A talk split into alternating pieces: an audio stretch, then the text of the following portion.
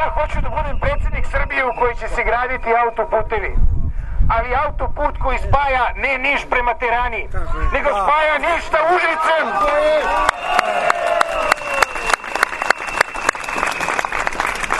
Nama treba Moravski koridor, a ne koridor Velike Albanije.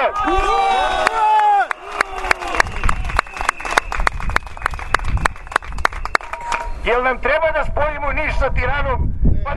Svaki vikend nam dolaze, kupuju zemlju, stanove i kuće, jer ih već nemamo dovoljno.